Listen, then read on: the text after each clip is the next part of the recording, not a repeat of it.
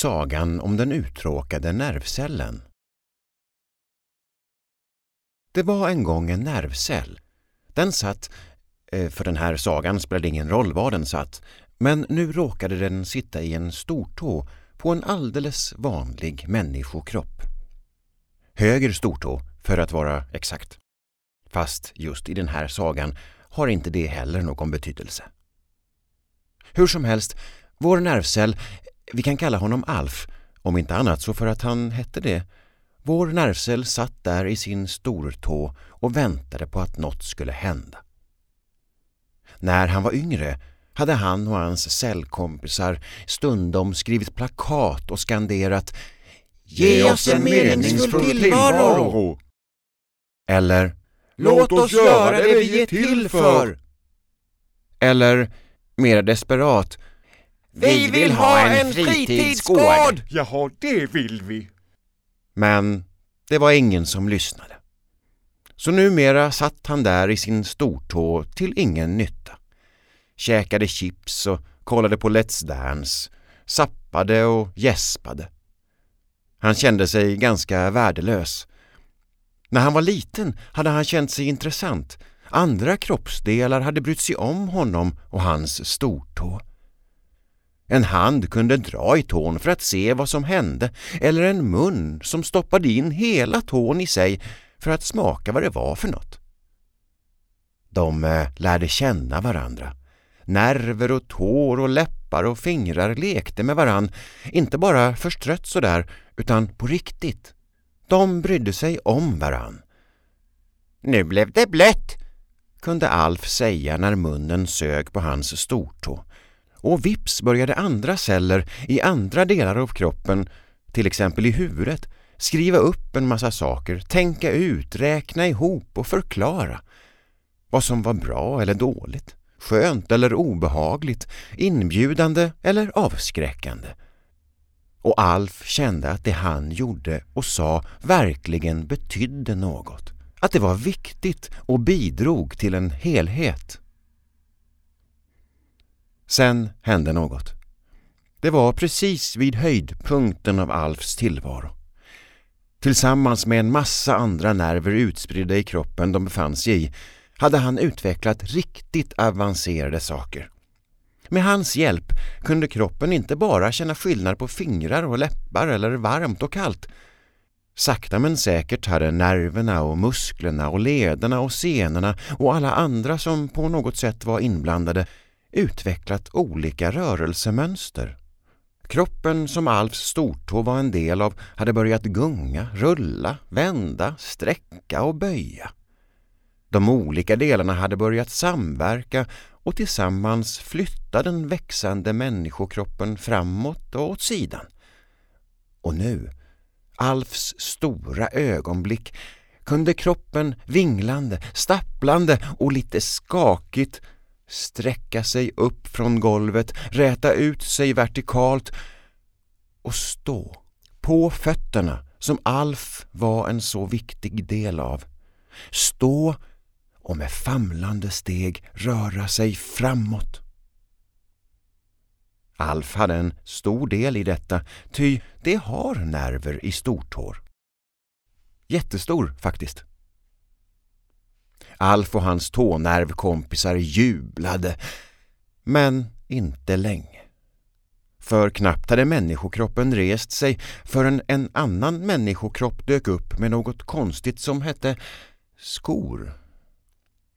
Skorna skulle, ja, jag vet egentligen inte vad skorna skulle göra. Lära gå hette de och eh, det tyckte Alf var mycket konstigt för just den saken hade ju fötterna och kroppen klarat av alldeles utmärkt. Plötsligt fanns det inget att känna.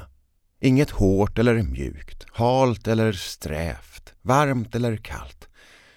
Skorna stoppade alla signaler som Alf brukade ta emot och skicka vidare till andra nervceller som hjälpte kroppen att hålla balansen, vända, styra, öka fart, sänka fart, hoppa eller om det behövdes trilla. Allt det där som håller människokroppen på någorlunda rätt håll och som ser till att fötterna inte viker sig. Allt varsamt trevande som Alfs stortå brukade syssla med byttes ut mot ett okänsligt klampande med hälen. Alf och hans stortå kände sig överflödiga, instängda, bortglömda. Dessutom fick han skit från andra celler i andra kroppsdelar som undrade varför de inte fick veta vad som hände där nere. Hur skulle höfterna kunna sätta igång ett löpsteg utan att veta vad som var under fötterna? Och ögonen, ja de blev jättesura. För utan alla rop och varningar från nerverna i fötterna var ju de, ögonen, tvungna att hålla koll. Titta neråt och se var fötterna satte sig, vilket i sin tur fick en nervbunt i den böjda nacken att reagera. Sträck på mig! sa nervbunten i nacken militäriskt. Men det var ingen som hörde. Det här ingår inte i vårt uppdrag, sa ögonen till sina fackliga representanter som raskt såg till att det skapades platser och underlag som var platta, där fötter och tår kunde röra sig framåt på helt andra sätt än de var ämnade, utan kontakt med underlaget och utan att längre behöva ha en aning om vad de pysslade med. Där tog skorna, ja för fötterna hade inte längre så mycket med saken att göra, där tog skorna längre och längre kliv som frestade på olika delar av kroppen. Fötterna däremot, i sina skumpackade standardgjutna sulor, kände än så länge inte så mycket. Inte bara ögonen reagerade. Resten av huvudet tog mer och mer avstånd från tårna och alla de andra kroppsdelar som inte längre gjorde någon nytta. För se, så var det. Det var inte bara skorna som tog över nervernas delikata arbete. Temperaturnervernas jobb sköttes av dunjackor, luftkonditionering och golvvärme. Ämnesomsättningens reglerande hungerkänslor togs över av myndighetsrekommendationer som påbjöd konstant och blodsockerhöjande mellanmålsätande och alla andra känselorgan sattes på undantag på grund av tidsbrist. Ingen hade längre tid att känna efter. Behov av vila ersatte människokroppen med kaffe. Smärta och ångest bedövades med Alvedon och Prozac. Jag har inte tid att vara sjuk nu, kunde det höras uppifrån talorganen när immunförsvaret hintade om det välbehövliga servicearbetet som blir aktuellt när något börjar bli slitet. Smärta blev ett problem i sig. Istället för att vara den signal, den kommunikation om vad som händer i kroppen som smärtan är tänkt att vara, blev den reducerad till störande avbrott i planeringen. Så huvudet kopplade sig ifrån kroppen och försökte sköta sitt vilket inte var lätt eftersom det där med att ta emot signaler, skicka nya, styra upp kommunikationen, upprätthålla kopplingar mellan kroppens alla delar och skicka ut sina olika hormonkavallerier och andra hjälptrupper dit de behövs. Det är liksom det som huvuden gör. Egentligen om de inte fylls med mötesanteckningar på A4-papper, rödlysen, kaloritabeller, börsnoteringar, extrapriser, livsstilsrekommendationer, trendspaningar, ständigt nya rön och dåliga tv-program. Nu var Alf mycket nedstämd. Nästan deprimerad. Känn inte efter så mycket, försökte en lat muskelfiber i granntån hurtigt och uppmuntrande. Muskelfibern hade akklimatiserat sig bra till att inte göra någonting alls och var helt inställd på att inte uträtta mer än absolut nödvändigt. Det är nämligen så celler och fibrer och substanser i kroppen gör, anpassar sig efter omgivningen. Det blir lätt dålig stämning annars. Ungefär som människokroppar som kommer till en ny arbetsplats de kollar hur andra gör och försöker passa in i mallen. Men Alf var egentligen inte sån. Han var inte en sån som bara satt och såg på när saker och ting sakta men säkert förföll. Och efter år av sappande och chipsätande hade han haft tid att fundera. Han funderade på meningen med tillvaron. Så när muskelcellen bad honom att inte känna efter så mycket så blev det för mycket för vår hjälte. Inte känna efter! skrek Alf. Vadå inte känna efter? Det är ju för fan det nervceller gör! Det kunde muskelfibern inte neka till. Den kröp närmare in mot sitt muskelfäste för att fundera över vad den egentligen var skapt att uträtta. Alf slängde fjärrkontrollen och chipspåsen ifrån sig. Han reste sig hastigt och började gå fram och tillbaka. Ja, eller gå och gå. Alf är en cell i en del av ett ben, men utan egna fötter att gå på. Men han rörde sig så gott han kunde, på det sätt som nu nervceller plägar röra sig. Han tänkte på revolution, men insåg att en sådan skulle medföra allt för stora risker även för hans egen existens. Människokroppar där alla celler gör uppror förekommer, men det slutar ofta illa. Nej, lösningen var nog att kalla till samling, att helt enkelt återuppta det arbete som alla celler och kroppsdelar var satta att göra.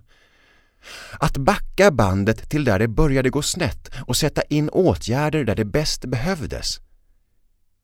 Inte heller detta var helt riskfritt. Den stora organismen var helt enkelt inte van att reagera på varken yttre eller inre stimuli. Att skapa reaktioner i form av smärta, sensibilitet eller sjukdom passade sällan in i människokroppens inlärda mönster. Det fanns inte utrymme i schemat och även om det funnits hade människokroppen inte vetat vad den skulle göra med det. Sånt har man ju piller, kvällstidningsfrågespalter, kylsprayer, sjuksköterskor och yoga till. Men känna efter? Men Alf förstod att han inte hade något val. Han ville leva sitt cellliv fullt ut. Han ville få fart på den stora organismen han befann sig i. Han ville ha mening med livet och det fanns, insåg han, bara ett sätt att göra det. Tillsammans. Han var inte så ensam i sina tankebanor som han först trott. Många andra celler, molekyler, bakterier, hormoner, proteiner, vätskor och allt vad de kan tänkas heta hade också börjat tröttna på sin inaktivitet. Och på vissa ställen hade det börjat få konsekvenser som behövde åtgärdas innan det gick alldeles för långt åt skogen. Alfs kollega till exempel i den vänstra stortån hade noterat hur hennes livsmiljö förändrades i takt med att hela livsmiljön, ja det vill säga stortån, deformerades och allt mer började likna en eh, potatis. De båda kollegorna insåg att deras, det vill säga stortånas, år av ovaksamhet hade lett till sned belastning av människokroppen som resulterat i ryggbesvär.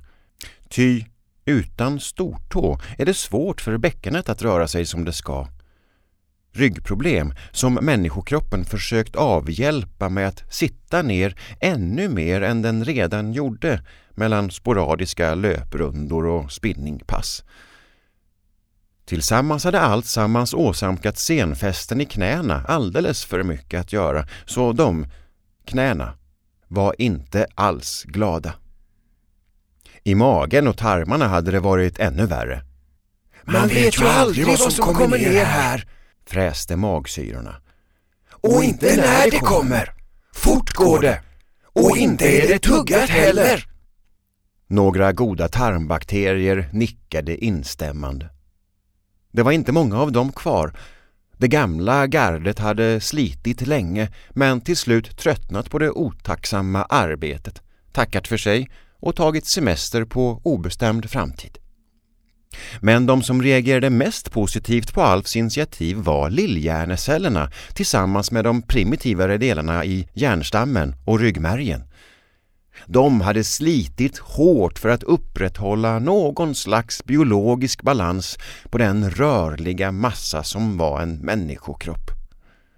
För medan de, i frenetiskt samarbete med hypofysen och de andra hormoncentralerna, slet för att hålla alla i grunden mänskliga funktioner igång kom det ständigt andra, nya direktiv från de mer eller mindre tänkande delarna av hjärnan. Dessa mer eller mindre tänkande delar tänkte ut, ja eller bara lärde in, oftast hade någon annan tänkt ut det innan.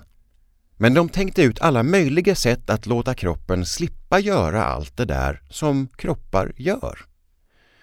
Istället för att uppleva saker satt kroppen allt som oftast still och lät ljud och ljussensorerna ta emot påhittad information om andra människokroppars upplevelser. Till detta åt människokroppen mat som den inte hade plockat eller jagat själv och som för det mesta inte egentligen ens var mat. Och när kroppen vid enstaka tillfällen, oftast strax efter nyår, steg upp för att röra på sig var det i konstiga rörelsemönster som inte verkade vara till någon egentlig nytta för någonting alls. Just dessa tillfällen hade gjort Alf och hans gelikar extra besvikna, för oftast vid dessa tillfällen, när människokroppen skulle företa sig någon form av aktivitet, så fick Alf och hans nervcellskompisar, alltså de som känner efter hur saker och ting känns, de fick inte vara med. Då som oftast trycktes de in i stabiliserande och därmed begränsande skyddsanordningar som bara gjorde människokroppen ännu mer instabil och ofta resulterade i stukningar, trasiga knän eller ömma ryggar. Många rörelser utfördes i konstiga maskiner som helt styrde armar och ben i bestämda riktningar. Och om människokroppen till äventyrs hade någon liten gnutta närvaro kvar så raderades den snabbt med hög musik, hejarop och andra distraktioner som på alla sätt eliminerade allt finlir, det vill säga hjärnans och nervernas delaktighet i träningen. Människokroppen ville, i bästa fall, svettas. I sämsta fall bara avverka ett förutbestämt antal minuter, kilo, kalorier eller repetitioner. Det viktiga var att få det gjort, inte hur eller varför. Detta var den mer eller mindre tänkande delen av hjärnans tydliga direktiv. Kvantitet, kvantitet, kvantitet, mest är bäst, manade den mer eller, i det här fallet, mindre tänkande delen av hjärnan, ty det fanns ingen som helst tanke bakom mantrat. Det var helt efterapat och inlärt. Räkna, räkna, räkna, rapade den nu nästan helt otänkande delen av hjärnan. Räkna och mät, mer, längre, tyngre, så kan du ta en bulle sen, because you're worth it. det var dags att kalla till stormöte. Nerver, fibrer, proteiner, vätskor, fetter i muskler, ben, vävnader, blodmärg och andra konsistenser började organisera upp sig i mindre grupper. Indelningen var inte självklar. Alf själv tillhörde ju både kroppsdelen fot höger, höger ben och det sensoriska nervsystemet, det vill säga i princip hjärnan. Tjocktarmen som tillverkar serotonin och därmed är en del av det psykologiska systemet kände sig också kluven. Hmm, hur delar man in i grupper när alla ändå är en del av en och samma helhet? frågade sig Alf. Det var en väldigt klok fråga, kan man tycka, av en liten nervcell i en så perifer del av kroppen som höger stortå. Men eh, då ska man komma ihåg att i en helhet, till exempel i en människokropp, där alla är en del, kan man inte dela upp ansvar eller orsaker eller styrkor eller problem utan att det får konsekvenser. Alla delar av kroppen är inblandade i vad alla delar av kroppen gör. Det är därför muskelbyggarmänniskokroppar sällan är graciösa, smidiga och rörliga. De försöker nämligen träna en muskel i taget och äta ett näringsämne i sänder. Då blir det så. Den stora frågan var huruvida den mer eller mindre tänkande delen av hjärnan skulle bjudas in till krismötet. Den mer eller mindre tänkande delen av hjärnan var ju i många stycken skuld till den uppkomna situationen. Dock var den mer intresserad av att fortsätta sina inlärda mönster. Att känna efter och att därutifrån dra egna slutsatser om tillståndet hade den helt vant sig av med. Så varför skulle den mer eller mindre tänkande delen av hjärnan lyssna på någon annan del av kroppen när den kunde skaffa sig alla siffror, beräkningar, forskningsresultat, reklamkampanjer och andra fakta som talade om exakt hur det var? Så eh, man beslutade att låta den mer eller mindre tänkande delen av hjärnan få fortsätta på sitt eget spår ett tag till. Alf ville helst inte se det så, men det handlade om vi och dem nu. Den mer eller mindre tänkande delen av hjärnan hade valt att kommunicera med yttervärlden utan inblandning av resten av kroppen. Så eh, Alf förstod att de inte hade något val.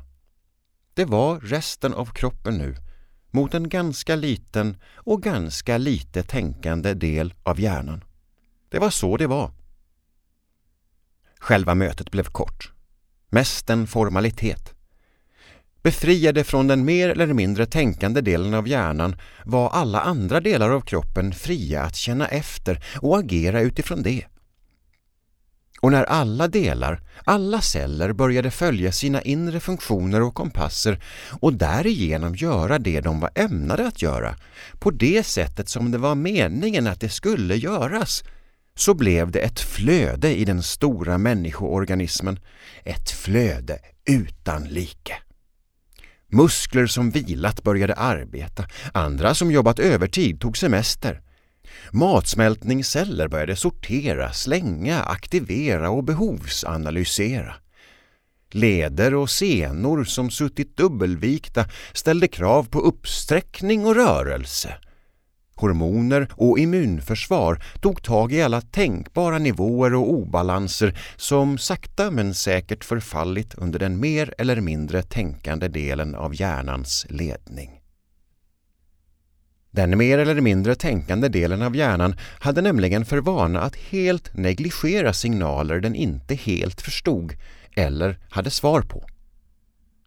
Den mer eller mindre tänkande delen av hjärnan hade överhuvudtaget svårt att lyssna på någon annan del än sig själv. Den mer eller mindre tänkande delen av hjärnan såg sig själv mest som en helt enkelt tänkande del av hjärnan. Och denna logiska rationella funktion ansåg den stå över alla de delar av människokroppsorganismen som bara gick på känsla eller agerade på reflex utan minsta expertis eller vetenskapliga belägg för att det var till någon nytta. Detta trots att alla funktionella delar av kroppen faktiskt måste betraktas som experter på just sina områden. Men till skillnad från många andra experter så jobbade de aldrig för egen vinning eller prestige utan bara för hela människokroppsorganismens bästa. Den mer eller mindre tänkande delen av hjärnan förstod inte hur lite den egentligen begrep av allt detta. Lika lite som den ville inse att den inte klarade sig utan alla andra delar av kroppen. Den ville fortsätta veta bäst och tala om för andra vad de borde och inte borde. Visserligen klarar sig inte de andra delarna i kroppen utan hjärnan heller, men se, det gäller mest alla de andra delarna av hjärnan där allt liksom händer av sig själv utan inblandning av effektivitetskonsulter, statistik, experter eller experiment på möss. Just den mer eller mindre tänkande delen av hjärnan kunde visst vara bra att ha men när det kom till alla de grundläggande och upprätthållande funktioner som gör människokroppsorganismen till människokroppsorganism är den mer eller mindre tänkande delen av hjärnan inte alltid till nytta. Ofta alldeles tvärtom faktiskt, eftersom den håller på med så mycket annat än att vara del av en människokroppsorganism. Det var just på grund av alla bisysslor som det dröjde innan den mer eller mindre tänkande delen av hjärnan insåg att kroppen den tillhörde inte gjorde som den mer eller mindre tänkande delen av hjärnan med hjälp av logik och fakta hade bestämt.